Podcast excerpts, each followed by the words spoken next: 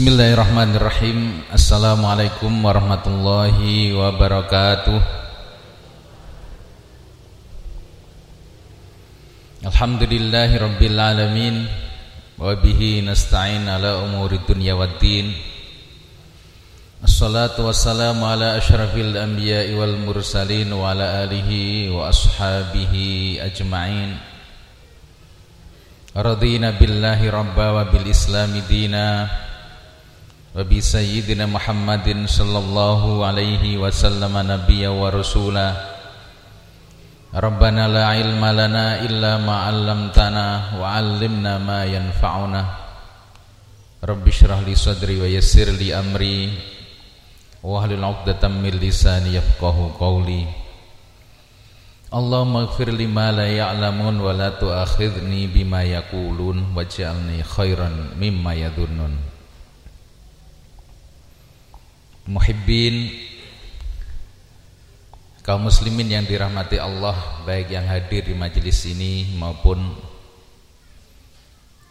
yang sedang mendengarkan radio Iskarima 99.9 juga radio Suiba 96,3 juga radio dakwah syariah 101,4 Semoga Allah Subhanahu wa taala senantiasa meridhai kita semuanya.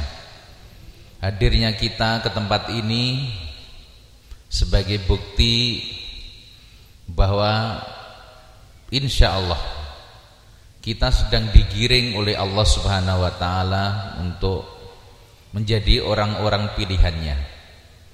Menjadi orang-orang yang diinginkan untuk menjadi hambanya yang baik mayyuridillahu bihi khairan yufaqihu fiddin kalau Allah itu menginginkan seorang menjadi baik maka dia diberi kemudahan untuk fakih untuk memahami agama ini. Jadi kalau kita mudah sekali dan senang sekali untuk belajar agama menyenangi para ulama, menyenangi majelis-majelis zikir, majelis ilmu. Kok seneng lek dijak nang pengajian? Kok enak kalau diajak ngaji? Enggak rewel. Itu tandanya Allah menggiring kita untuk menjadi orang yang baik. Karena di antara tanda bahwa Allah itu menginginkan seseorang untuk menjadi baik, yufaqihu fiddin difakihkannya dia difahamkannya dia terhadap masalah agama ini. Mungkin-mungkin kalau panjenengan sami jamaah sekalian termasuk orang-orang yang baik di hadapan Allah Subhanahu wa taala dan baik di hadapan makhluk-makhluknya. Amin. Ya rabbal alamin. Kita juga doakan teman kita, saudara kita, kerabat kita, tetangga kita, kaum muslimin dan siapa pun yang kali ini sedang sakit yang sedang mengalami kesulitan, mengalami persoalan hidup semoga semuanya dalam lindungan Allah Subhanahu wa taala. Kita berharap pada waktu-waktu yang akan datang bisa membersamai kita di majelis ini. Amin ya rabbal alamin. Tidak terasa kita sudah di penghujung tahun 2020 Ngoten nggih. Sudah punya program tahun malam tahun baru tampun ini. ya, Pak. Rencananya merayakan tahun baru di mana ini? Di rumah. Di sini tidak ada acaranya. Wah, ini panitia harus memikirkan ini ya. Bukan apa-apa, akan tetapi dalam rangka untuk muhasabah boleh. Bukan dalam rangka memperingati tahun baru Masai tidak, tidak perlu diperingati itu ya. Akan tetapi untuk momen evaluasi itu kadang-kadang kita perlu waktu ya. Daripada nanti kaum muslimin keluyuran gitu. Anak-anak muda keluyuran nggak tahu mau ke mana malam itu Kok kabeh rame-rame padha metu Kalau di rumah rasanya ya rame enak, aku tak metu neng di kira-kira ya. Oh, ke Islamic Center.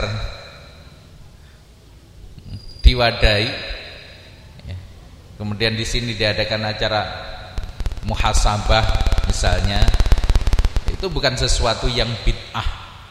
Bukan sesuatu yang melanggar syariat insya Allah. Karena bid'ah itu urusannya masalah ibadah. Ya, Namanya bid'ah itu hanya terkait masalah ibadah yang sudah baku. Sementara untuk hal-hal yang bersifat muamalah kayak pengajian, ya, dulu di masa Rasulullah nggak ada pengeras suara. Nah, sekarang kita pakai pengeras suara gini. Dulu nggak ada YouTube, nggak ada radio, berarti radio itu ya bid'ah. Iya Pak. Bid'ah secara bahasa iya ya. Tapi itu semuanya boleh karena tidak menyangkut masalah ibadah langsung. Yang disebut bid'ah itu pripun? Salat subuh. Ya, subuh esuk-esuk cik seger mengrong rakaat, ditambahi loro kas. Ya, tak tambahi loro. Oleh napa mboten niku? Ana wong cik esuk Sholat kok ora oleh ki piye? Eh? Sholat kan baik, kenapa nggak boleh? Ayo. nah, karena menyalahi perintahnya. Jadi sesuatu yang sudah bagus seperti itu nggak boleh ditambah-tambah lagi untuk khusus masalah ibadah. Sementara kalau untuk masalah muamalah boleh. Gitu. Ya ini sekedar masukan nanti kira-kira lek tahun malam tahun baru di sini ada acara ngoten sami duki mboten Bapak Ibu. Nah itu. Monggo koro ingkang kajibah ya. Banyak yang bisa diambil manfaatnya dengan momen malam tahun baru itu insyaallah. Nah, Jamaah sekalian yang dirahmati Allah, kali ini kita ingin ngaji tentang konsep perubahan. Banyak yang sudah meninggal dunia dalam keadaan merana hidupnya. Ada yang tokoh, tokoh dunia, tokoh nasional, tokoh lokal. Ada orang-orang biasa meninggal dunia banyak dalam keadaan meninggalnya belum ikhlas. Masih merana. Apa sebabnya? Karena banyak di antara mereka ini menginginkan adanya perubahan. Sampai dia berupaya banyak hal yang dia lakukan namun perubahan yang didambakan belum terwujud Ngaten nggih? Banyak orang menderita di akhir hayatnya angen-angen mikirkan agar negaranya berubah. Kotanya berubah, desanya berubah. Atau setidaknya keluarganya bisa berubah. Tapi sampai akhir hayatnya keinginan itu tidak bisa terwujud sesuai dengan yang diinginkannya. Ngoten mboten? Cobi jujur mawon Bapak Ibu ini yang hadir di majelis ini. Ada nggak sing duwe angen-angen pengen mengubah keluargane? Pak Ibu pengen keluarganya berubah nggih? Kotanya pengen berubah? Negaranya pengen berubah? Engko lek ora berubah terus piye?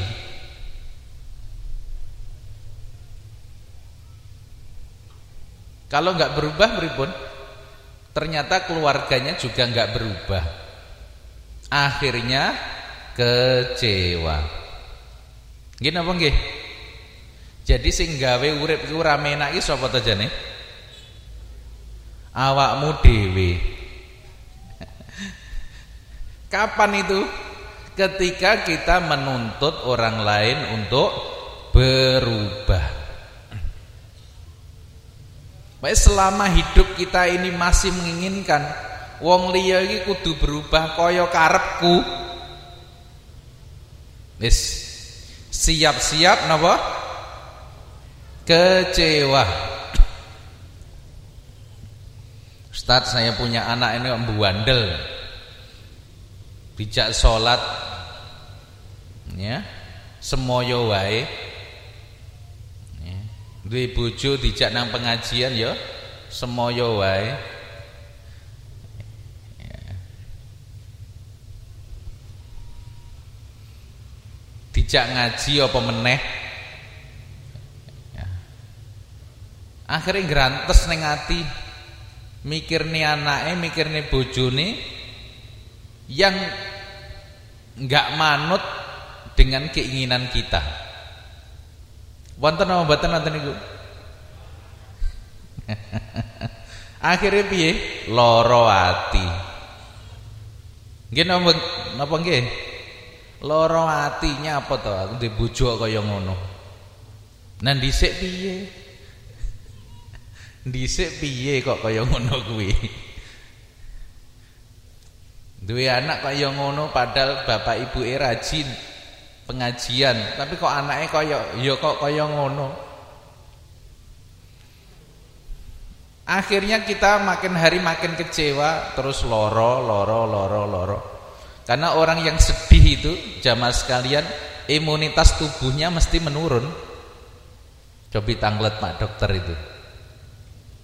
Jadi orang ini kalau sering sedih, jamaah sekalian, daya tahan tubuhnya itu melemah. Nah, terus wis daya tahan tubuh lemah terus pripun? Awale mung lara ati, pindah lara lara ning awak kabeh. Apalagi di zaman seperti sekarang ini gitu. Cuaca sok panas terus sok wadem malih. Subhanallah. Nah piye carane supaya awake dhewe iki ora sah punya rasa kecewa dan sedih karena menuntut perubahan tadi itu. Nah, ada ayatnya dalam Al-Qur'an, A'udzubillahi minasyaitonirrajim, innallaha la yughayyiru ma biqaumin hatta yughayyiru ma bi anfusihim. Sesungguhnya Allah tidak mengubah sesuatu. Ma biqaumin ma di sini ma al mubham. Artinya ma di sini artinya belum jelas belum definitif. Allah tidak mengubah sesuatu yang di kaum atau seseorang sampai seseorang itu mengubah apa yang ada di dirinya karena ini pelajaran akidah pagi ini kadang-kadang kita memahami ayat ini dengan cara yang keliru atau kurang tepat. Sering kita mendengar pengajaran, pelajaran bahwasanya Allah tidak mengubah kondisi seseorang atau Allah akan mengubah kondisi seseorang bila orang itu mau berubah. Ngaten nggih?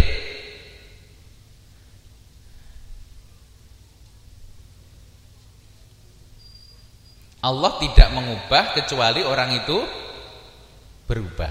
Ngoten napa mboten? Nah, diangen-angen mawon jamaah sekalian. Diangen-angen. Allah tidak mengubah kecuali kita berubah. Berarti Allah iki manut awakmu. Berarti Allah iki kudu manut awake dhewe. Nah, Allah mau berubah. Allah akan mengubah kalau kita berubah. Berarti Allah kudu manut awake dhewe. Nggih napa nggih? Nah sing dadi Tuhan ki sapa to jane? Cobi angan-angan.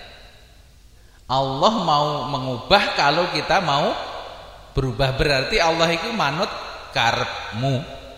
Nggih napa nggih? Sik tadi angen-angen tenan karena iki ilmu wis kadung mancep. Kita punya keyakinan bahwa Allah ini akan mengubah kalau kita mau berubah kan kan? Berarti Allah itu manut awake dhewe. Nggih napa nggih? Yen ngono kalau Allah itu harus manut awake dhewe, dadi sing dadi Tuhan ki sapa? Apa ya pas kira-kira Tuhan kok manut awake dhewe? Eh, itu yang angen-angen. Iki ilmu akidah mendasar nih. Apa benar Allah itu kudu manut awake dhewe ngoten lho Pak. Karena selama ini yang kita pahami Allah itu baru akan mengubah ketika kita mau menginginkan perubahan. Gini apa nggih?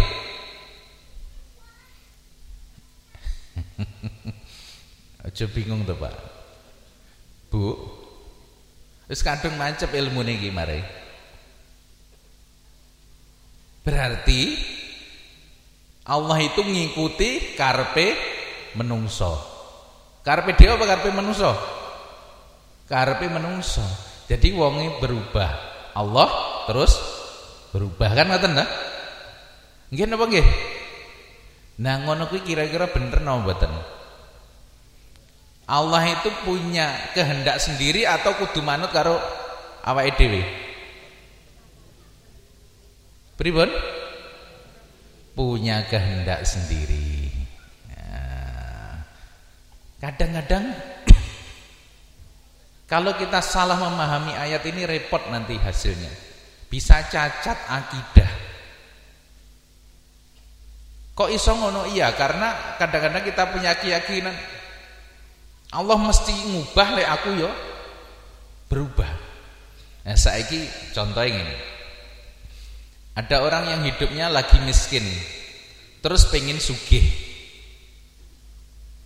Sing loro pengen mari Kuwi apa ya kira-kira langsung kedadian ngono ta, Bu? Jenengan pengen sugih, nggih. Kita pengen kaya, semula miskin. Langsung kedadian apa mboten? Yang sakit pamanya, pengen berubah menjadi sembuh atau sehat. Langsung kejadian nambatan berarti Allah ora manut kowe no? kan kita pengen sembuh kenapa Allah nggak ngasih sembuh? Padahal ayatnya tadi ya dah kalau kita menginginkan sesuatu Allah akan memberikan seperti itu Kita dari miskin menjadi kaya, dari sakit menjadi sehat atau sembuh kan toh? Dari sengsara menjadi bahagia. Tapi nyotone kok ora berubah ya. Nah. Apa nih sing keliru kira-kira, Pak? Bu? Yang keliru cara memahaminya. Jadi jamaah sekalian ayat ini menjelaskan yang diubah itu bukan kejadiannya, bukan peristiwanya, akan tetapi sikap batin atau mentalnya. Umpamanya kita ini lagi diganjar oleh Allah, lagi diberi karunia oleh Allah berupa sakit, terus sampai dia pengen mari, orang tidak mesti langsung sembuh, tidak. Gitu. Tidak begitu. Tidak begitu kondisinya itu. Orang yang semula miskin langsung pengen sugih ujuk-ujuk iso dadi sugih orang ngono kuwi. Maksudnya adalah ketika kita sedang mengalami musibah ketika kita sedang berkekurangan ketika kita sedang sakit misalnya yang diubah itu apanya? Kondisi batin kita, penerimaan kita terhadap peristiwa itu. Ngoten. Wong ki kena musibah kira-kira biasanya pripun? Sudah, susah, sedih gitu. Susah napa sedih?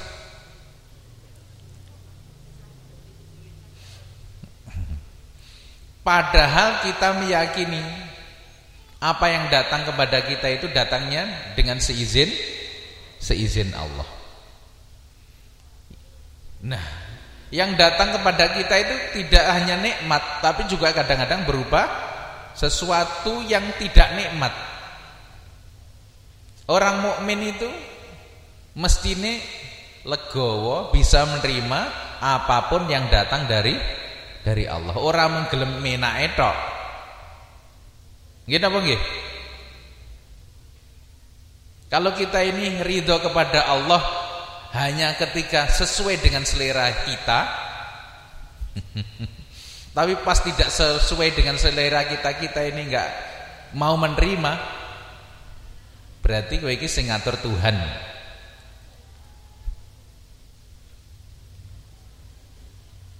Nggih napa nggih?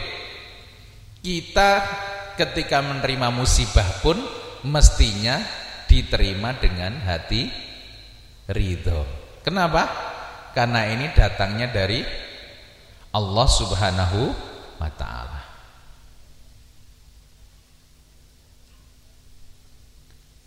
Jadi peristiwa ini raiso diubah ini. Karena sudah ditakdirkan oleh Allah si fulan sakit. Oh wong iki ra gelem, "Duh Gusti aku pengen sehat." Apa terus engko sakite di gua? Tidak. Sakitnya ini harus tetap sampai ke orang itu, orang itu tetap harus menderita sakit sesuai dengan yang ditakdirkan oleh Allah. Terus yang diubah apa nih wong iki? Diubah penerimaannya. Diubah batin ini loh. Karena peristiwa yang ada di alam semesta ini berjalan bukan sesuai maunya manusia. Gini apa nggih? Semua peristiwa yang ada di alam semesta ini terjadi atas kehendak Allah Subhanahu wa taala. Jadi yang dikondisikan itu bukan perubahan peristiwanya tapi perubahan kondisi hatinya, batinnya. Ana inda dhonni abdi bi. Aku ini sesuai dengan keyakinan keyakinan ki ning ndi panggone ning ati. Jadi ketika kita sedang menerima musibah itu diterima dengan senangnya apa kok senang oh ini cara Allah memberikan saya anugerah. Anugerah apa itu dengan sakit seseorang dihilangkan dosa-dosanya Kan kalau orang sakit itu ada yang dicabut. Yang pertama kecerahan mukanya. Jadi orang kalau sakit ini diambil oleh Allah. Jadi Allah ngutus malaikat khusus untuk yang pertama mencabut napa niki? Cahaya wajahnya. Makanya kalau kita lihat orang sakit itu pripun Bu, Pak? Wis ta nganggo bengesan nganggo wedak sak kilo ya ketara wae. Yen loro. Karena memang di diambil oleh Allah. Yang kedua diambil nikmat makannya. Makanya kalau orang lagi sakit itu ojo dipeksa kudu mangan kaya biasa nih. Lagi loro kan manteng kleng. Apa nih loro untu kon ngerakoti balung piye? Kenapa? Karena orang yang sakit itu sejatinya dikasih makan oleh Allah. Maka kadang-kadang kita melihat ada orang sakit bertahun-tahun, berbulan-bulan orang mangan kok iso urip ya. Padahal nggak dikasih infus atau makanan tambahan. Kok ngono? Ada rahasianya. Nanti ada hadis yang menjelaskan. Orang yang sakit itu dikasih makan oleh oleh Allah. Piye carane? Yo. Takok nang Gusti Allah. Itu rahasia Allah. Ngaten ya? Seperti Allah ngasih makan kepada ashabul kahfi 309 tahun ini. Gitu. sekian ratus tahun kok turu tok terus mangane piye terus kebutuhan untuk fisiknya piye gitu angel to niku itulah. Jadi orang yang sakit itu juga demikian. Diambil cahaya wajahnya diambil selera makannya kemudian yang ketiga diambil dosa-dosanya. Jadi kalau orang itu lagi sakit sejatinya dia mendapat napa? Anugerah dari Allah berupa napa dosa-dosanya gugur semuanya Jangankan penyakit yang berat jamaah sekalian meriang nih loh. Panas. Ya Rasulullah menjelaskan orang yang kena penyakit panas itu itu seperti angin kencang menggugurkan daun-daun kering. Menggugurkan dosanya sebagaimana angin kencang menggugurkan apa? Daun-daun kering. Jadi engko lek pusing ibu-ibu panas bapak-bapak ojo ke susu diumbani obat ojo ke susu ngombe pudrek panadol nanya apa? Iki lagi proses ini proses apa? Menggugurkan dosa. Makanya dulu ada sahabat.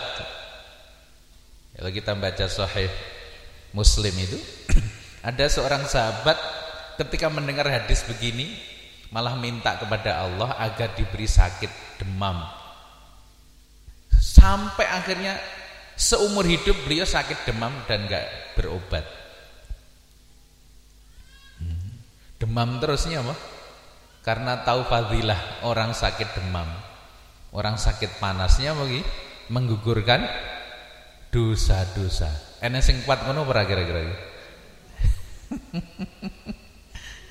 Makanya kalau kita itu sakit ojo ke susu langsung diobati. Niki teori ini rodok gesek karo Pak Dokter ini banyak. Loro langsung padahal sakit itu utusan dari Allah. Penyakit itu datang dengan membawa misi. Di antara misinya adalah untuk membersihkan dosa. Iki ini orang bar kok kok tundung iki piye to, Kok kok usir iki piye? Iya toh? berarti kurang menerima napa niku peparinge Allah Subhanahu wa taala ya diterima saora-ora ini 24 jam ngoten nggih aja langsung cilake ini ini arek loro terus cucuk diantem obat wiki lagi ngusir utusane Allah makanya yang punya sakit parah udah bertahun-tahun ajaan dialog loromu saya sering sampaikan ke teman-teman terapis itu. Jadi kalau ada orang jamaah lagi sakit bertahun-tahun gak sembuh-sembuh, ajak aja dialog. Apanya? Penyakit ini loh, Pak. Hei penyakit kowe iki hamba Allah. Yang tugasmu nengene wong iki wis bar. Bali kowe. Biasane ngono ki ya mari Ibu. Subhanallah. Ini rahasia sakit, rahasia musibah. Jangankan begitu seseorang kakinya terantuk batu, kesandung matu nih loh. Utau kena kerikil, utau kena duri, kayak terasa sakit, itu pun menggugurkan dosa. Menak nama buatan datu muslim niku. Makanya kau melakukan neng makadam kono. Ben kesandung-sandung nama piye? Aja disengaja ya. Jadi kita ini tidak bisa mengubah peristiwa. Karena kejadian itu sudah menjadi kehendak Allah. Yang diubah apanya? Mensikapinya ini. Mensikapinya. Karena kalau ini salah kita memahaminya, engkau podo kecewa akhirnya. Allah kejadian harus ngubah ya aku pengen berubah. Bukti ini aku pengen berubah orang berubah-berubah. Terus Allah keadili. Allah ini to? Tidak itu aja kadang-kadang awake dhewe ndonga jare kon ndonga ndonga bareng kok ya ora berubah. Aku iki ya keliru neh ndonga iki ora nagih janji. Awake kan kadang-kadang ngono. Kita itu berdoa kadang-kadang nagih janji kepada Allah. Ya Allah jarene jenengan merintah kan donga. Nah niku kula pendonga kok mboten diparingi. Nah sing kurang ajar pancen kowe ya. Berdoa itu bukan menagih janji. Berdoa itu adalah ibadah. Ya, karena kita disuruh berdoa ya berdoa baik. Ya. Seringkali kita itu berdoa tapi nagih janji. Nggih napa nggih? Akhire kowe kecewa, wis mono suwene lek ndonga ya ora ning hasile. Kecewa neh ya ta? Karena keliru lek memahami mau. Akhirnya terus piye? Ora ndonga. Nah ini oleh Pak Ustadz Saya sudah berdoa eh, Tapi ya hasilnya orang ini kecewa lagi. Mengapa kecewa? Karena menganggap berdoa itu menagih janji kepada Allah. Mboten mekaten. Karena kita itu disuruh berdoa ya berdoa wae. Nggih napa nggih? Hak mengabulkan itu hak siapa? Allah. Ojo ojo dipaksa Allah. Allah kudu manut karepmu niku lho. Ini nggak bisa. Jadi dieling-eling awake dhewe kon donga ya ngono wae. Terserah Allah kapan dan bagaimana akan mengabulkannya. Maka insya Allah kita akan tetap berdoa karena dalam setiap doa itu mengandung pahala kebaikan. Salah satu wujud ibadah kita kepada Allah itu yaitu berdoa. Wis. Jadi umpamanya kita dicoba oleh orang melalui orang Allah itu kadang-kadang ngutus dalam hidup kita hadirnya seseorang untuk menguji kita.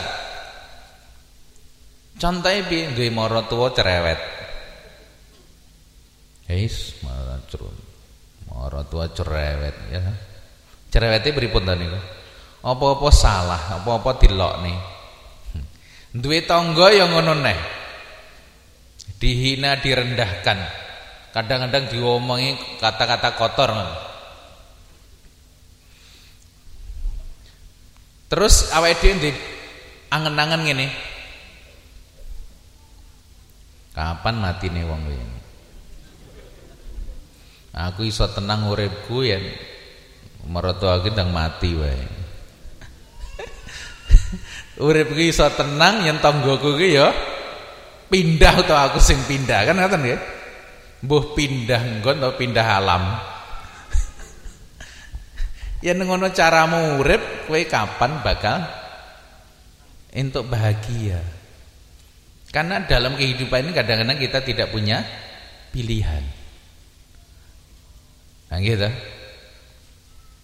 nah ini takdir mungkin ngono kuwi Nah bagaimana cara mengubahnya? Yang diubah bukan peristiwanya tapi hati ini. Eneng wong lok elek, maidu, muring-muring. Itu anggap saja seperti orang buang kotoran. Pohon itu semakin besar dilempari kotoran. Ada orang kencing di situ, ada yang buang sampah di situ. Kuwi mang yen uwit mang iso ngomong no pripun kira-kira? Miso no mboten? Oh, wong ngerti, aku diuyui. Buangi kotoran kaya ngene iki piye karepe? Kuwi pohon sing rada gendeng. Tapi pohon sing apik matur suwun. Aku wis kok uyui. Hmm, wis kok kei sampah gara-gara kuwi kuwi dadi pupuk kanggoku. Nah, akhirnya kotoran tadi menjadi pupuk bagi pohon itu. Menak ora dadi wit sing kaya ngono Bu. Dadi sok neh yen nenek wong nyelathu awakmu dianggap kuwi mau pupuk. Rabuk. Dadi ora lara, ora lara ati. Ora sah ndongakne tanggane ndang pindah. Muga-muga Gusti ndang pindah dhek. Pindah ning ndi? Pindah ning alam. alam liyane. Nah. Nah sering kali hidup kita ini memang begitu. Menginginkan agar orang lain yang ber, berubah. Opo-opo harus diawali dari perubahan diri kita sendiri. Wis. Sopo wae yang pengen hidupnya bahagia ya. Menjalani sesuai dengan kehendak Allah Subhanahu wa taala mulai hari ini jangan menuntut orang lain untuk berubah sesuai mau kita. Terus piye? Tuntutlah diri kita masing-masing untuk berubah menjadi menjadi sinten? Menjadi orang yang terbaik versi kita masing-masing. Coba diangan-angan nih di penghujung tahun ini, apakah saya ini sudah menjadi orang yang terbaik? Wujud yang terbaik saya itu adalah sudah sekarang ini. Versi terbaikmu ini bisa iki borong no. gitu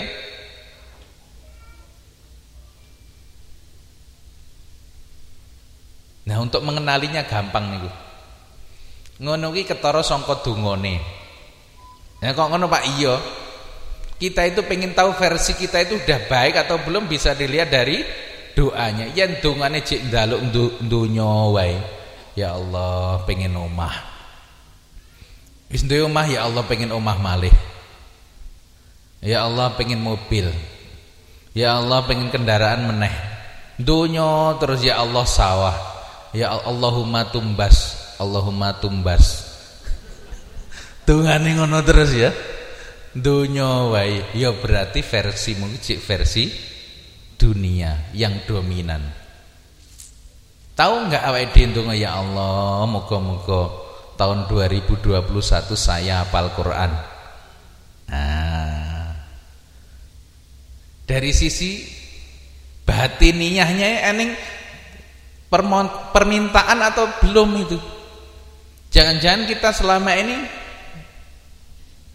tarikan dunia terlalu kuat hingga terlihat dalam permohonan-permohonan kita. Ndongone bolak-balik urusan dunia. Oleh orang lagi, Ya oleh apa Tapi ya kudu diimbangi ngoten maksudnya. Sing urung iso ngaji berdoa kepada Allah moga-moga tahun ini iso ngaji ya Allah moga-moga Ramadan yang akan datang Ramadan ini bulan apa Mas?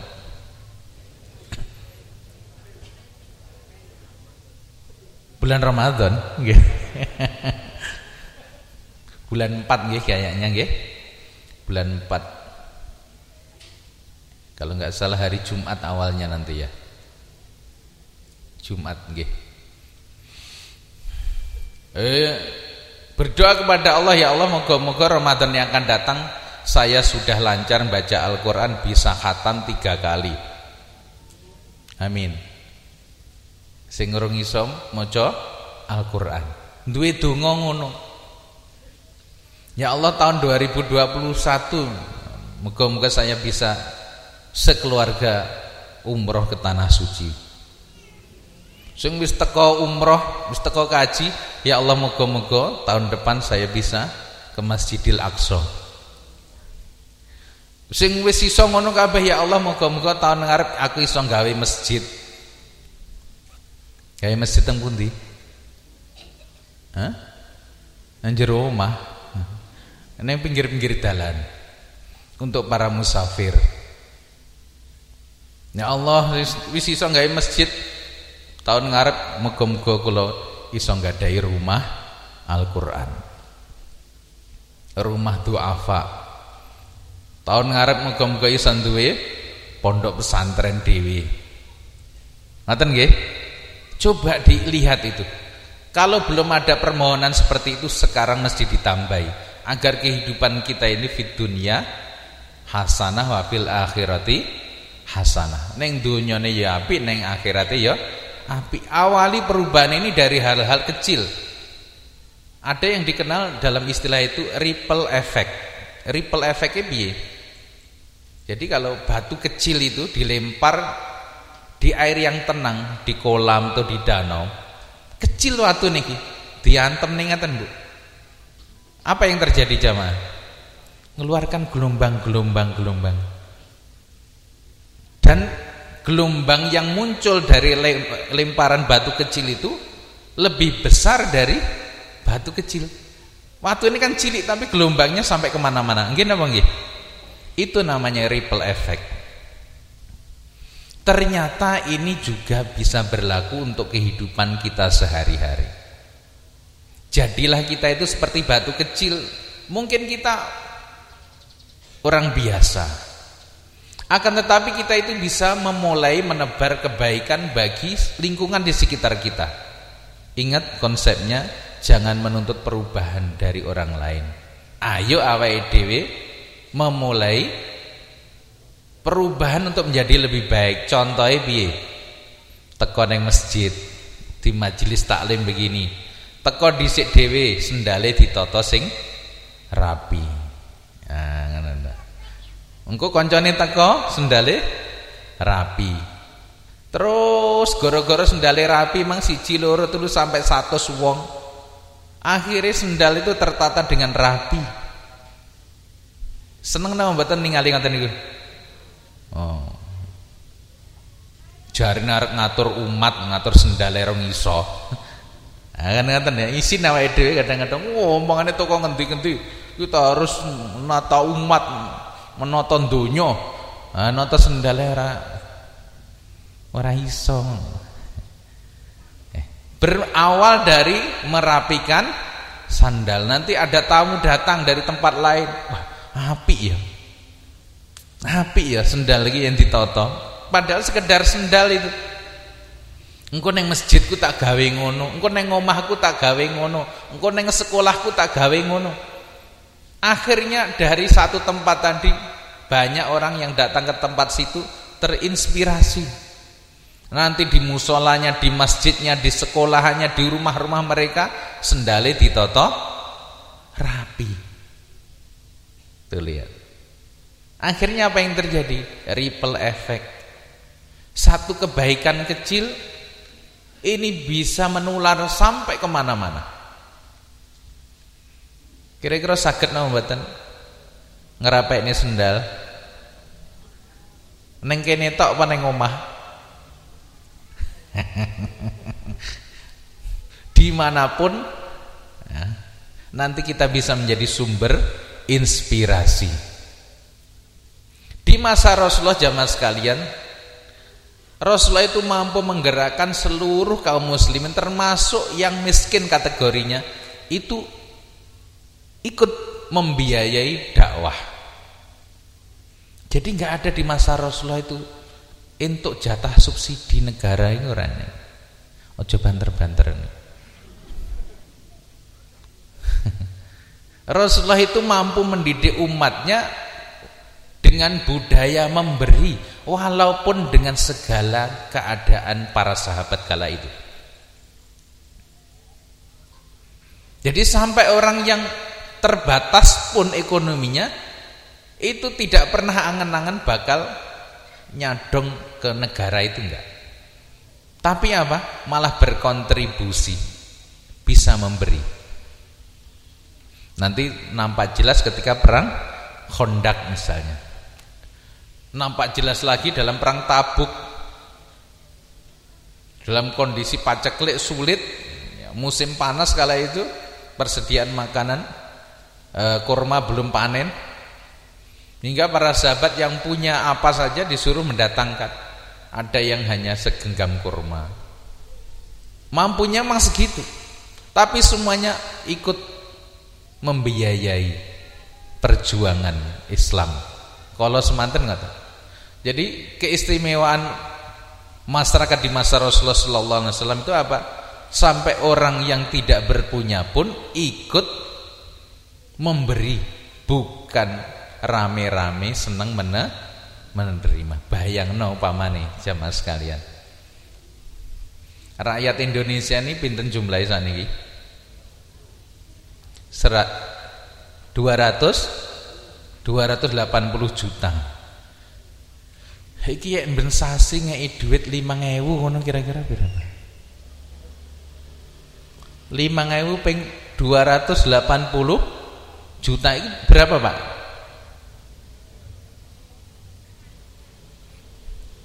Wes ora sah orang per orang nih. Dijupuk 100 juta wae. Ya. Diambil kakane. 100 juta dikali 5000 itu berapa, Pak? Kok angel mentong ngitungi duit wong bae. Wes ping 1000 wae wes. 100 juta kali 1000 pinten niku? Betul. 100 miliar. Hmm? Berarti lek 5000 500 Medan gitu kerupuk pun kata nama tenan.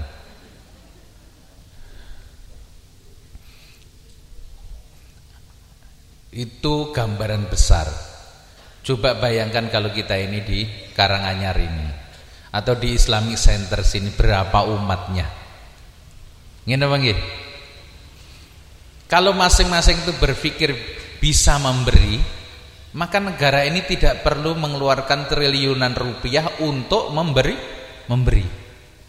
Kan dana untuk subsidi itu setiap tahun terus ber bertambah. Mungkin apa nggih? Tapi kira-kira kemiskinan tambah hilang apa tambah entek? Hmm? Tambah oke, kan aneh tuh. Kenapa begitu?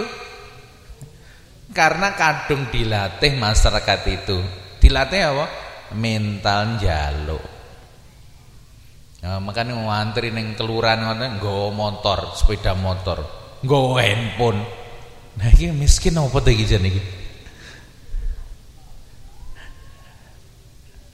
Kadang-kadang jamaah sekalian nggak punya duit itu masalah waktu. Tapi masalah miskin itu kadang-kadang masalah mental. Ini yang diperangi oleh Rasulullah. Jadi yang diubah dari masyarakat yang tidak mampu untuk menjadi mampu itu bukan masalah uangnya, tapi masalah mentalitasnya. Makanya kita datang ke majelis seperti ini, eneng kotak bingung nih kalau. Nih kita mau kotak bingung pun mau pengen mboten. Niku nggih nglatih jane. Nggih nglatih bahwa saya ternyata mampu mem memberi. Andaikan ini bisa diteruskan, ya, seluruh masyarakat kita itu terbiasa untuk memberi orang ngarep-ngarep, nggak mengandalkan subsidi, nggak mengandalkan pemberian, maka insya Allah masyarakat itu akan dimakmurkan oleh Allah. Kenapa? Karena mentale mental wong sugih, mental orang yang suka memberi. Itu yang jasa besar dari Rasulullah sallallahu alaihi wasallam telah mengangkat kaum muslimin di masanya. Dan selayaknya sekarang kita ikuti. Orang digedek-gedek nih yen jaluk. Tapi dibesar-besarkan dengan mem memberi. Nah, latihane jamaah sekalian. Ini karek latihane ben berubah wae nggih. Nasibe ben berubah piye carane? Usahakan setiap kita pagi hari. Niki ilmu terapan jenengan terap nih insya Allah hidupnya berubah. Piye siapkan kotak infak di kamar masing-masing. Ngaten nggih? Isi itu begitu kita bangun tidur. Bangun tidur apa yang dilakukan jamaah sekalian? Hah? Mancal kemul. Bangun tidur yang dilakukan pertama kali Merapikan selimut. Diling-iling nih Ilmu ini sederhana.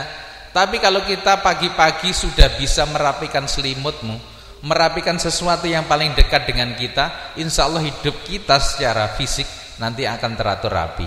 Jadi nanti tenin nih Jadi tangi turu aja selimutnya dituak nih Wul-wul ngono kayak Rapikan hidupmu dimulai dari bangun tidur. Jenengan akan lihat nanti pengaruhnya ini. Meremen teko ngendi-ngendi. Bangun tidur napa setelah berdoa? Ngelipat selimut. Ya. Nomor loro infak. sak pira terserah sing penting duit nggih usahakan duit aja duwe biskuit kok lebokne. Maksudnya ngoten nggih? Berapapun jumlahnya maka ditulisi infak fajar namanya. Karena nanti orang yang berinfak di pagi hari itu mendapatkan doa dari malaikat. Allahumma ati munfikon khalafa wa'ti mumsikan talafa. Ya Allah berilah orang yang berinfak jadi pagi hari itu ganti. Dan orang yang menahannya enggak enggak melepas kehilangan. Makanya sapa sing kehilangan duit oh di, sing kok salahnya tuyul terus wae. Ayo tuh orang tuyul tuyul nganggo kupluk orang gitu. Itu kenapa kok iso hilang entuk dongane malaikat. Doanya malaikat berbahaya tuh orang yang menahan didoakan malaikat supaya kehilangan Supaya dapat doa malaikat yang satunya bagaimana? Munfikon, berinfak. Makanya kalau pagi hari kita sudah berinfak, dapat doa malaikat. Setelah itu nanti setelah sholat subuh ada malaikat pembagi rezeki. Sinten namine? Hah? Israel. Sapa terus yang dundum rezeki? Kok kaya kowe ra kono? Aduh repot iki. Mestine awake dhewe iki akrab karo sing dundum rezeki ya. Sinten namine? Nah, Michael ya. Michael gitu atau Mikael. Ini sing dundum rezeki. Begitu setelah subuh malaikat Mikael ini keliling ke semua rumah, didelok. Semuanya dapat rezeki, dikasih itu. Sing ora entuk sapa? Sing merem. Wong turu ya ora entuk jatah ngoten lho. Makane aja turu bar salat subuh. Ya ngantuk tenanan piye ngentenana sampai srengenge meletek. Nggih, ditahan piye carane apa kok kei uh, isolasi babi Kowe kok kelewatan jatahmu enggak dikasihkannya apa? Aturu. Ya. Ditradisikan di rumah masing-masing ada infak subuh atau infak fajar. Jenengan tinggali nanti perubahan hidup kita. Berkah harta kita. Nah, nanti pas saat pagi begini dijupuk wae dari kotak itu tadi. Dijupuk pinten? Bu. Mangatus persewu Jupuk sepuluh hewu bawa ke ahad pagi. Nanti pas hari Jumat, pas Jumatan nih kok ngambil lagi dari situ. Nanti ada anak bawa proposal untuk pembangunan masjid, jupuk nih kono. Enak ora? Jadi nggak usah mikir banyak-banyak. Pusatkan pemberian kita itu kapan itu? Pagi hari. Nanti kalau pas mau ada acara apa saja, mau berinfak, ambilkan dari dari situ. Umpamane hari setiap hari itu sewu. Gitu. Selama seminggu udah berapa? 7000. Ya aja nih. Biasanya infak di akad pagi mung sewu, saiki sak ora-orane iso limang limang orang ewu ben turun ning kono sik. Ben nggih kanca, engko ning liyane neh. Jadi infak kita bisa lebih besar lagi. Tapi yang terpenting ini memancing doa malaikat. Ngaten nggih? Ini ripple effect nanti. Jadi kalau kita masing-masing di rumah itu bisa memperlakukan ini, nanti seluruh masyarakat di Indonesia bisa melakukan ini. Akhirnya masyarakat kita itu masyarakat yang biasa memberi. Di situlah perubahan akan terjadi insya Allah. Jadi jamaah sekalian mulai sekarang yang terakhir ora sah Grantes atine goro-goro anakmu, bojomu, wong tuamu ora berubah. Ya apa? Semakin Anda berharap orang lain berubah, maka hidup kita semakin napa? menderita. Semakin besar harapanmu, maka siap-siaplah semakin besar kecewamu. Ngene apa nggih? Jadi pamane awake senenge warna ijo, kabeh karepmu kok cet i ijo. Nggih napa nggih? Kok klambene ijo? Wong jamaah semene kae klambene ijo kabeh terus piye? Ning cara sing gampang piye? Gawe kacamata ijo. Ya, tuku kacamata ijo kok mripat menget ning endi wae dadi rupane ijo. Nah sing kono diubah ora? Ora diubah, sing diubah apa? Pandanganmu. Diri kita sendiri yang diubah. Hidup ini mengajarkan begitu, yang diubah itu diri kita wae. Ini yang pertama kali. Selama kita masih menuntut orang lain berubah, dieling-eling ilmune, mesti kowe kecewa. Ya Allah bojoku kok ya nesunan ngono. Oh ya. Aku tak berubah, aku tak sing sabar. Dek geni, aku tak dadi kayu. Hah? Kayu apa banyu? Oh, banyu. ya cocok. Cek konsentrasi berarti. Senengane parfum melati, semprot rono, semprot rono, semprot rono. Wah, uh, kok semprot arep ngenteni pirang galon, Kang. Njupo parfum sak titik dulit ning irungmu kene. Nggih napa nggih? Kok dulit ning irungmu kene sak titik ngono. Kowe ning ndi wae ambune ambu melati tibake.